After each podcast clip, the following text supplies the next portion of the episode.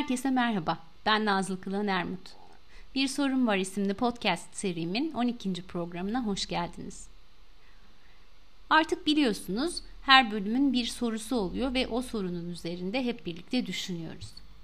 Bu bölümün sorusunu düşünürken e, iş yaşamının içinden geçtiği farklı dönemi göz önünde bulundurarak soruyu doğrudan iş hayatının kendisine yöneltmek ve iş hayatı yolculuk nereye diye sormak istedim. Çünkü gerçekten e, iş hayatının bir yolculuk olduğunun ve değişen bir yolculuk olduğunun çok fazla farkına vardığımız bir dönemin içinden geçiyoruz. İş hayatı her zaman bir takım değişikliklerden geçmek durumunda. E, çünkü dış faktörler sürekli değişiyor. Teknoloji değişiyor, şartlar değişiyor. E, iş hayatına gelen çalışanların profili değişiyor, yaş grupları değişiyor. Bir sürü değişiklik var bir an bir arada. Ee, uzun zamandır bu te, Endüstri 4.0 ile birlikte teknolojinin hızlığıyla birlikte ve yeniliklerle birlikte zaten iş hayatının dönüşümü üzerinde çok fazla kafa yoruluyor e, yeni gelen kuşaktı Y kuşağı artık eskidiler yerine Z'ler yanlarına gelmeye başladı. Z kuşağı konuşuluyor. Ama bütün bunlar üzerinde e, yaparız nasıl olsa deyip bir takım planlar yapılırken bir anda gündeme bomba gibi düşen pandemi her ne yapılacaksa bunun hemen yapılmasının gerekli olduğunu gösterdi bize. Ve e, geçtiğimiz yıl Mart ayından beri ülkemizde dahil olmak üzere dünyada iş hayatında pek çok değişikliğin yapıldığını ve yapılabildiğini gözlemledik. Eskiden mümkün değil dediğimiz birçok şeyi var ettik. Uzaktan çalışmak, evden çalışmak mümkün değil. İşte bizim çalışanlarımızı eve yollamamız uygun değil. Burada olmak zorunda diyen şirketler yollayı verdiler bir anda. E, veya seyahat etmemek iş hayatında mümkün değil derken seyahatler minimuma indi hatta bir süre hiç yapılmadı. Online toplantılar verimli olmuyor diyorduk artık online toplantıları verimli hale nasıl getiririz üzerinde kafa yorup bütün toplantıları online yapmaya başladık. Yani iş hayatı değişiyor dönüşüyor. E, iş hayatının değişimi dönüşümüyle birlikte ilginç bir şey oldu bir yandan da. Eskiden hep e, odakta aslında insan dememize rağmen iş varken bu son, son dönemde işin yapılabilmesinin tek aracının insan olduğu biraz daha sanki fazla fark edildi ve insanın yani çalışanların çalışma biçimlerini, çalışma yöntemlerini kolaylaştırmak için neler yapılabilir üzerinde de kafa yorulmaya başladı. Yani ciddi bir değişim var. Bu değişim dönüşümü e, tırtılın kelebeğe dönüşümüyle benzer düşünmek de mümkün gibi geliyor bana. Çünkü Orada ciddi bir meta, metamorfoz var biliyorsunuz. Farklı bir canlı evrilip devrilip farklı bir canlıya dönüşüyor. Tırtıldan kelebek oluşuyor. Ve ke, kelebeği oluşturacak e, hücreler tırtılın içinde gizleniyorlar. Imaginary cells deniyor adına. Hayalci hücreler deniyor. Hayalci hücreler belli bir zaman saklandıktan sonra tırtıl yok olurken onu kelebeğe dönüştürmek için ayaklanıyorlar. Şimdi iş hayatı da benzer bir metamorfozdan geçiyorsa e, şirketlerin içindeki hayalci hücre takımlarının da oluşturulması ve şirketlerin içindeki dönüşümün sağlanması da çok önemli diye düşünüyorum. E, bu dönem belki bir deney alanı gibi oldu şirketler için işi elin üstünde tutmak şart olmayan yerler alternatif çözümleri çok hızla ürettiler. Fabrika gibi çalışanların işinin başında o binanın çatısı altında olması gerekli olan yerler kendi içlerinde farklı çözümler üretmeye çalıştılar. Daha güvenli bir çalışma ortamı yaratmak adına çalışanlarına. Ee, pandeminin e, daha tanıdık hale geldiği ve belki de önümüzdeki aylarda biteceği konuşulmaya başladığına göre pandemi sonrasında iş hayatının yolculuğunu da şekillendirmekte elbette fayda var. Şimdi şunu iyi biliyoruz. Ee, pandemi bitse bile iş hayatı bundan bir buçuk yıl öncesine dönmeyecek. Artık eski normal, yeni normal gibi kavramları konuşmak da bana oldukça yersiz geliyor. Konuşmamız gereken sadece yeni kavramı ve yeniyi gerçekten ait olduğu tanımla kullanmamız lazım. Yeniyi de belki yeniden tanımlamamız lazım. Yeninin anlamının farkındalığıyla e, yapmamız lazım bu tanımı. E, bir makalede okumuştum. Şöyle bir cümle vardı. Diyordu ki bugün şirketler için küçük değişiklikler yeterli değildir. Var olanı değiştirmek yerine olmayanı yaratmaları gereklidir. İşte içinde bulunduğumuz zaman tam da bu olmayanı yeni yeni yaratma zamanı. E, bunu yapabilmek için de biz bunu hep böyle yapardık demeden e, ve eskiyi bir şekilde dönüştürüp yeniye uyarlamaya çalışmadan bugünden geleceğe hayat nereye gidecek? Bizim işimiz bu hayatın içerisinde nasıl yol alacak ve biz iş hayatını, çalışma yaşamını kendi şirketimizin çatısı altında nasıl kurgulamayız, kurgulamalıyız üzerine kafa yormak için çok da geç kalmamak lazım diye düşünüyorum. Bana kalırsa e, o geç kalmamanın içinde e, daha planlı programlı olmayı da içerecek şekilde bugünden geleceğe iş hayatının e, işleyişini kendi şirketimizde nasıl kurgulamalıyız, şirketimizin kültürünü bu yeninin içinde yeniden nasıl tanımlamalıyız e, soruları üzerinde çalışacak proje takımları oluşturmak e, son derece kolaylaştırıcı bir yöntem olacak bu geçiş sürecinde. Tıpkı bir iş projesiymiş gibi çalışma düzeni, çalışma hayatı, iş yapış biçimleri ve çalışanlar konularını e, masaya yatırmak ve bir proje planı oluşturmak ve bugünden geleceğe gerçekten mümkün olduğunca öngörüyle bir e, gelecek iş yaşamı, yaşamı tasarımı yapmak çok değerli gibi geliyor bana. Birçok şey konuşuyoruz. Ee, uzaktan çalışmadan bahsediyoruz. Hibrit çalışmadan bahsediyoruz. Ee, kimilerinin ofiste kalmak, fabrikada kalmak zorunda olacağını biliyoruz her türlü yeniliğe rağmen. Bütün bunları konuşurken bunların içlerini de doğru doldurmamız gerekiyor diye düşünüyorum. Hibrit dediğimiz şey e, uzaktan çalışma ve ofisten çalışmanın bir karışımının yapılandırılması. Ama mutlaka yap, e, bir takım ilkelerini belirleyerek yapılandırılması. Uzaktan çalışma e, zorunlu geçirdiğimiz bu 15-16 aylık dönemdeki ev çalışmalarından belki biraz daha farklı. E, esnek bir uzaktan çalışma kavramı. Yani insanların ofise gitmeden e, istedikleri yerden çalışabilmelerine alan açan bir çalışma kavramı.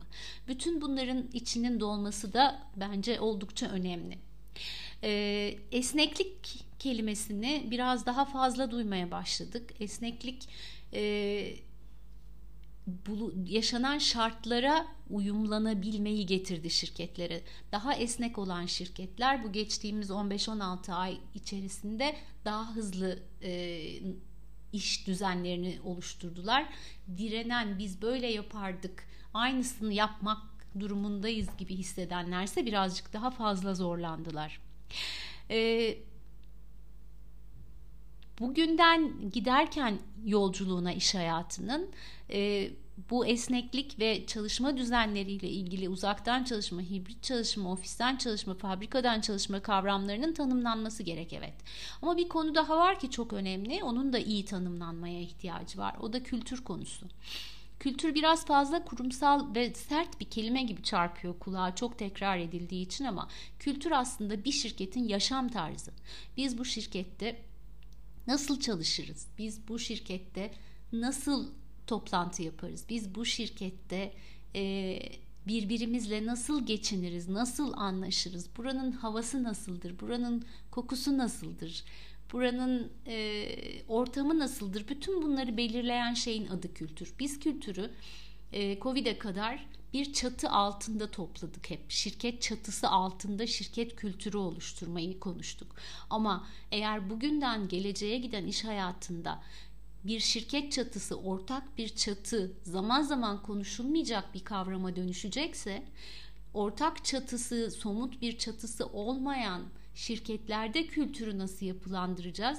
Kültürün bir önem taşıdığı alan çalışan aidiyeti. Aidiyeti nasıl sağlayacağız kurum içinde? Bunları konuşmakta fayda olacak bugünden sonra.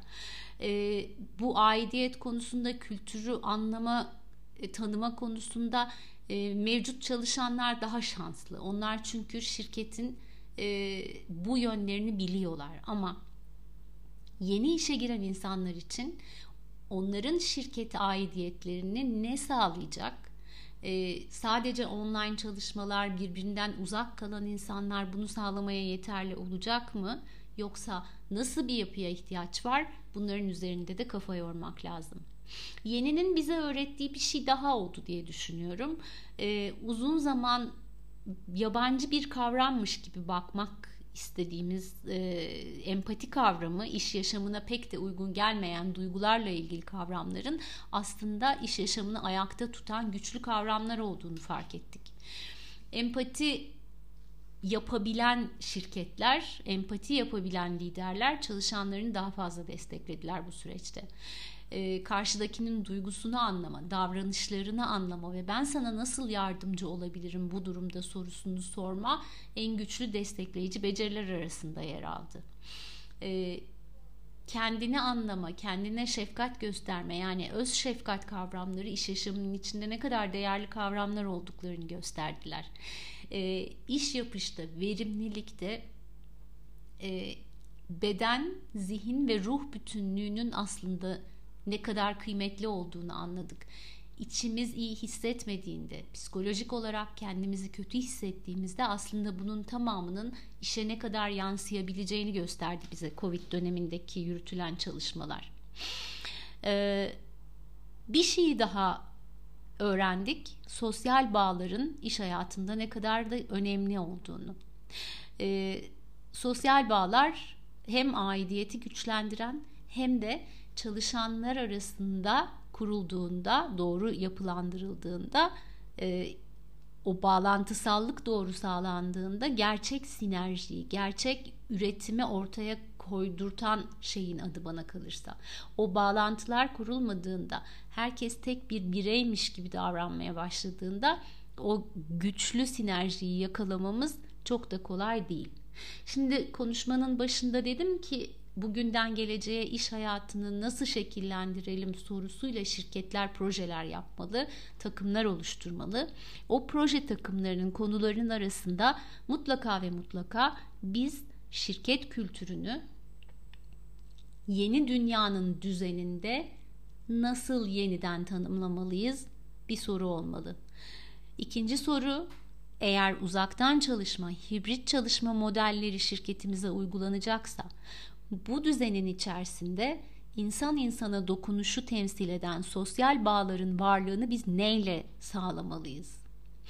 Üçüncü soru, biz gerektiğinde esnek bir şirket olma konusunda neler yapmalıyız? Çeviklik gerçekten ne kadar önemli olduğunu bu süreçte bize öğretti. Esneklikle çevikliğin bir arada olması şirketlerin e, değişen şartlara hızlı uyumlanmaları için en önemli anahtarlar arasında yer alıyor. Dolayısıyla bu konular da mutlaka o projenin içinde yer almalı. E, beraberinde çalışanları anlamaya, onlara liderlik etmeye yönelik e, lider güçlendirme çalışmalarının da yer alması lazım. Çünkü yine bu süreçte gördük ki gerçek liderlik yaklaşımları yani birbirini anlamayı destekleyecek, belirsizliğin içinde belirliliği yaratma konusunda çalışanları destekleyecek liderler çok gerekli.